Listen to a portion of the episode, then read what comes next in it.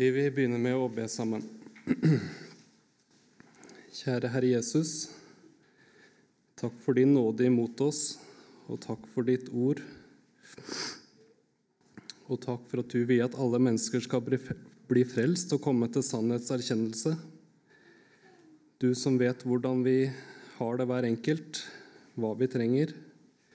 Se nåde til oss for ditt eget navns skyld. Amen. Til, et, eh, til en andakt her i dag så er det et ord ifra den bønn som Jesus lærte sine disipler å be, som har stoppa meg opp. Det er det vi kaller for den tredje bønn. Der står det Skje din vilje, som i himmelen, så òg på jorden. Hvordan vet vi hva som er Guds vilje? Jo, det får vi vite i Bibelen. Guds ti bud og kjærlighetsbudet gir oss svar på hva som er godt eller vondt. Det er nok ikke så vanskelig å forstå med hodet, men om man føler seg ansvarliggjort, er en annen sak. Mange går rundt og tenker Gud kan ikke kreve mer av meg enn jeg klarer. Han ser vel at jeg gjør så godt jeg kan. Andre igjen korter av på krava, så de blir mer overkommelige. Eller slår seg til ro med at eh, jeg er i hvert fall ikke så ille som naboen eller den eller den som jeg vet om.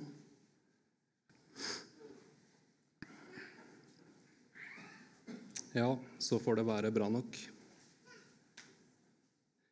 Nei, våre egne tanker om Gud, de vil konsekvent bringe oss på avstand, på avveie fra Gud og sannheten. De er like forderva av synd som det våre hjerter er etter den første Adams fall. Vi trenger Den hellige at Den hellige ånd får kaste lys over ordet og over sannheten om våre liv. I Romerne 8, vers 6-8 står det For kjødets atro er død, men andens atro er liv og fred.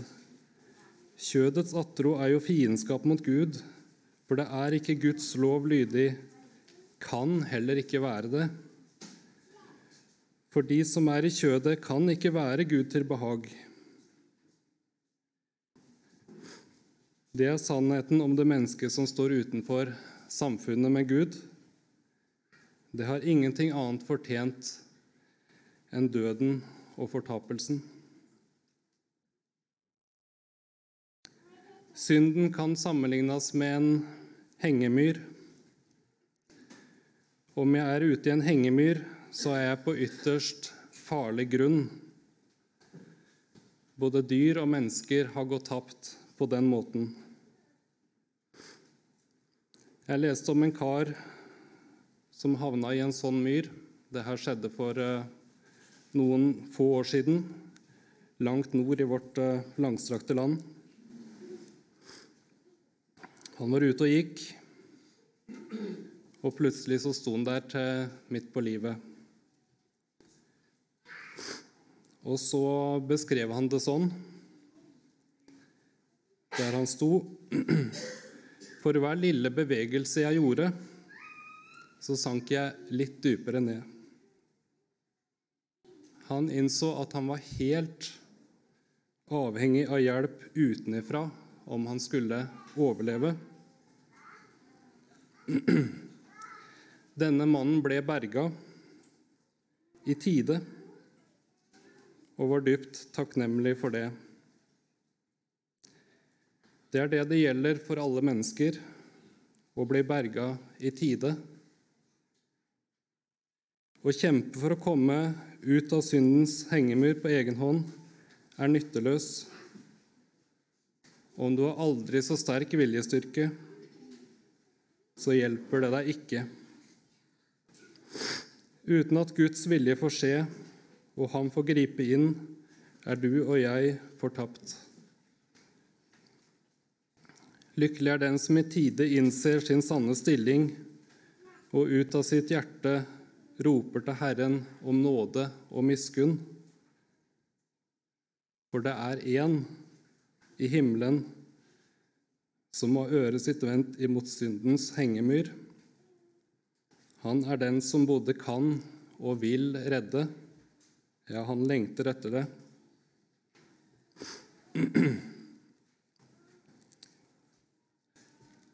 David sier det i Salme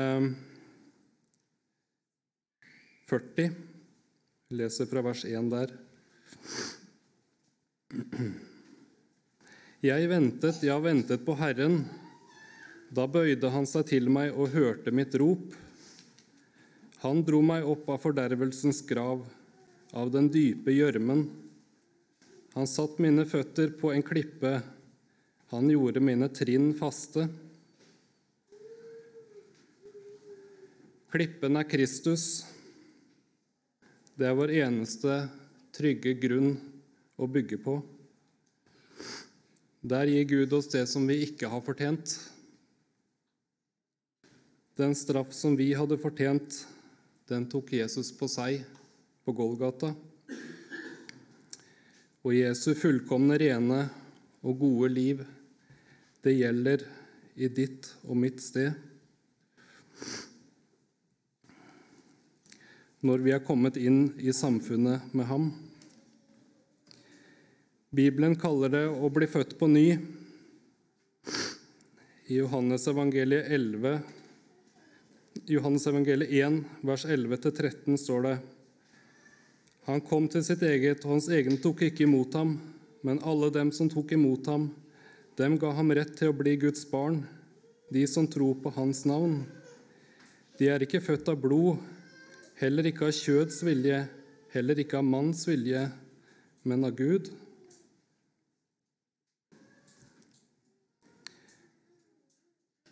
Vi skal ta med noen vers fra Efeserbrevet, kapittel 2.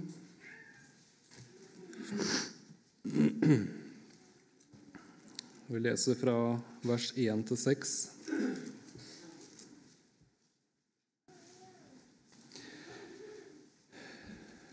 Også dere har han gjort levende, dere som var døde over deres overtredelser og synder.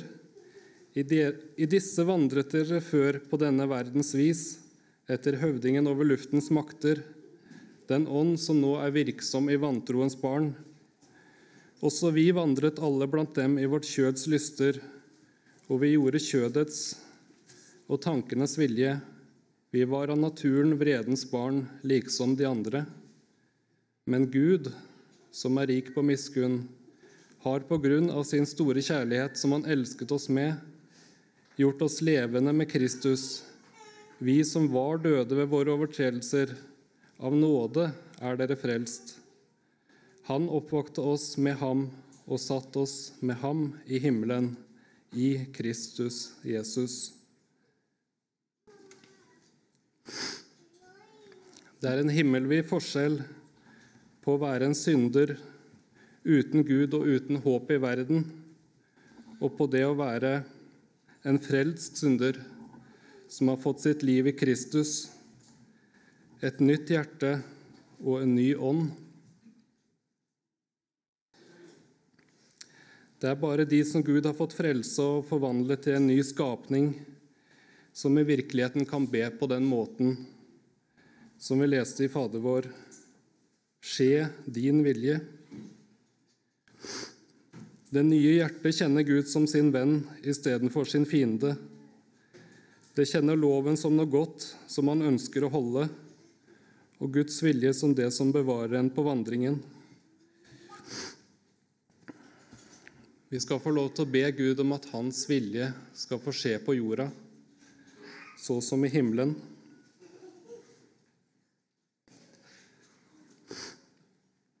Herren, han har det fulle perspektiv den fulle oversikt, og han ser vårt liv i evighetens perspektiv og vet akkurat hva vi trenger. Han som har omsorg han har omsorg for oss som vår far. Det er godt at vi kan stole på Han, selv når vi ikke ser noen vei eller løsning. Skje din vilje. Så forstår vi at Guds vilje kan bety for oss lidelse og vanskeligheter av mange slag i våre liv. Sånne ting som i det korte bildet ser ut som motgang, men som i virkeligheten er medgang fordi det er med å bevare oss på veien.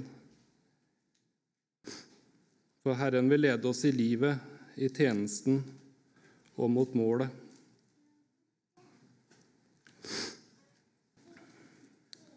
For det er Herrens vilje at alle mennesker skal bli frelst og komme til sannhetserkjennelse. Bibelen forteller oss mange ting. Noen ting er skrevet oss, skrevet oss til advarsel. Jeg tenker her på lignelsen om den rike bonden.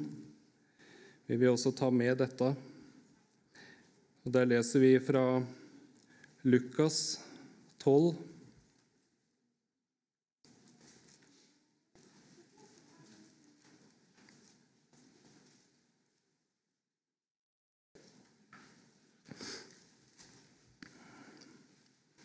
Og vi leser fra vers 16 til 21.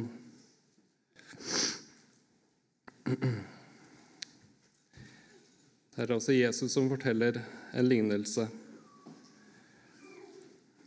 Han fortalte dem så en lignelse og sa:" En rik mann fikk stor avling på jorden sin. Da tenkte han ved seg selv, hva skal jeg gjøre, jeg har jo ikke rom nok til å samle min avling i. Og han sa, dette vil jeg gjøre. Jeg vil rive ned låvebygningene mine og bygge større. Der vil jeg samle hele min avling og mitt gods. Så vil jeg si til min sjel, sjel, du har mye godt liggende for mange år. Slå deg til ro, et, drikk, vær glad. Men Gud sa til ham, du dåre, i denne natt kreves din sjel av deg. Hvem skal så ha det du har samlet. Slik er det med den som samler seg skatter og ikke er rik i Gud.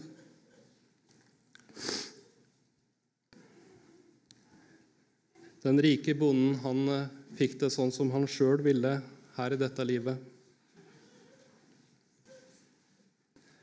Og han slo seg til ro med sin store rikdom, fornøyd med det.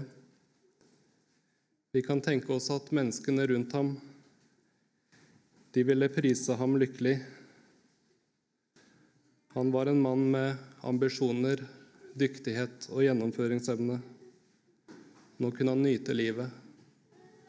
Han hadde sørga så godt for seg sjøl. Men hvordan ser det ut i det himmelske perspektiv? Det står at Gud sa til ham, du dåre. I denne natt kreves din sjel av deg. Tenk deg at det som kan se ut som lykke og suksess, i virkeligheten kan være den største ulykke. Den rike bonden fikk det som han ville ha, etter sin egen vilje og ønske.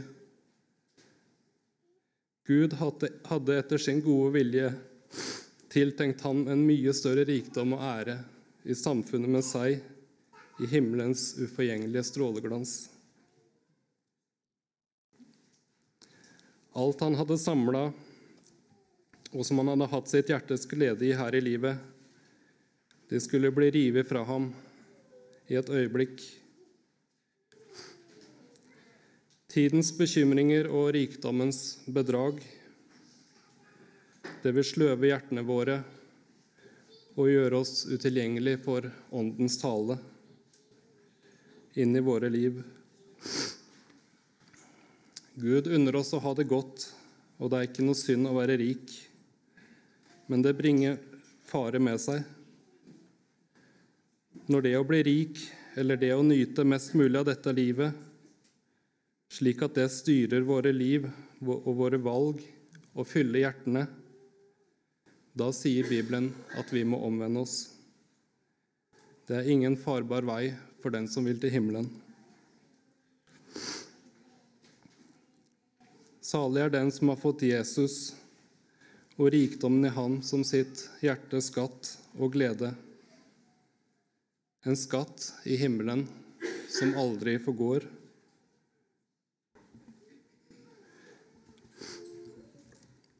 Helt til slutt må vi vende tilbake til David, salme 40, som vi leste fra i stad.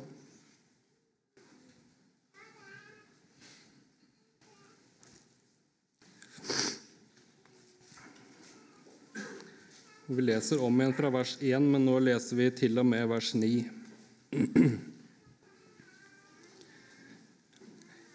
Jeg ventet, ja, ventet på Herren. Da bøyde han seg til meg og hørte mitt rop. Han dro meg opp av fordervelsens grav, av den dype gjørmen. Han satte mine føtter på en klippe, han gjorde mine trinn faste. Han la i min munn en ny sang, en lovsang for vår Gud.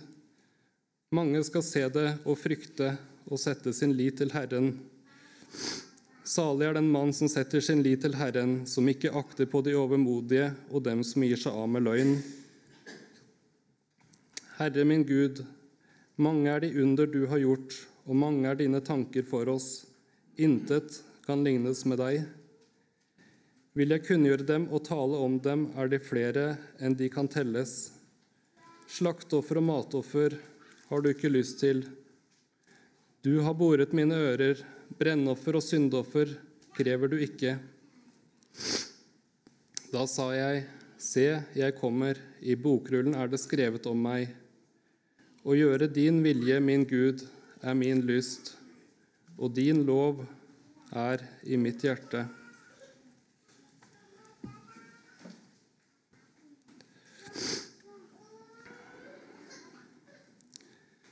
Her ser vi et uh, Guds barn, barns forhold til Guds vilje, til Guds lov, ja, til Gud. Og så står det at uh, i Efeseren at vi er Guds verk, og at Han har uh, skapt oss til gode gjerninger som er lagt ferdig for at vi skulle vandre i de. så er det Guds vilje at uh, At vi skulle få tjene Han og takke Han ut av et hjerte som elsker Jesus. Og at vi skulle få være Hans hender og føtter her nede. Og, hans, og at Hans hjertelag skulle komme til syne gjennom våre liv og i møte med våre medmennesker og at Hans ord gjennom din og min, din og min munn skulle nå videre ut.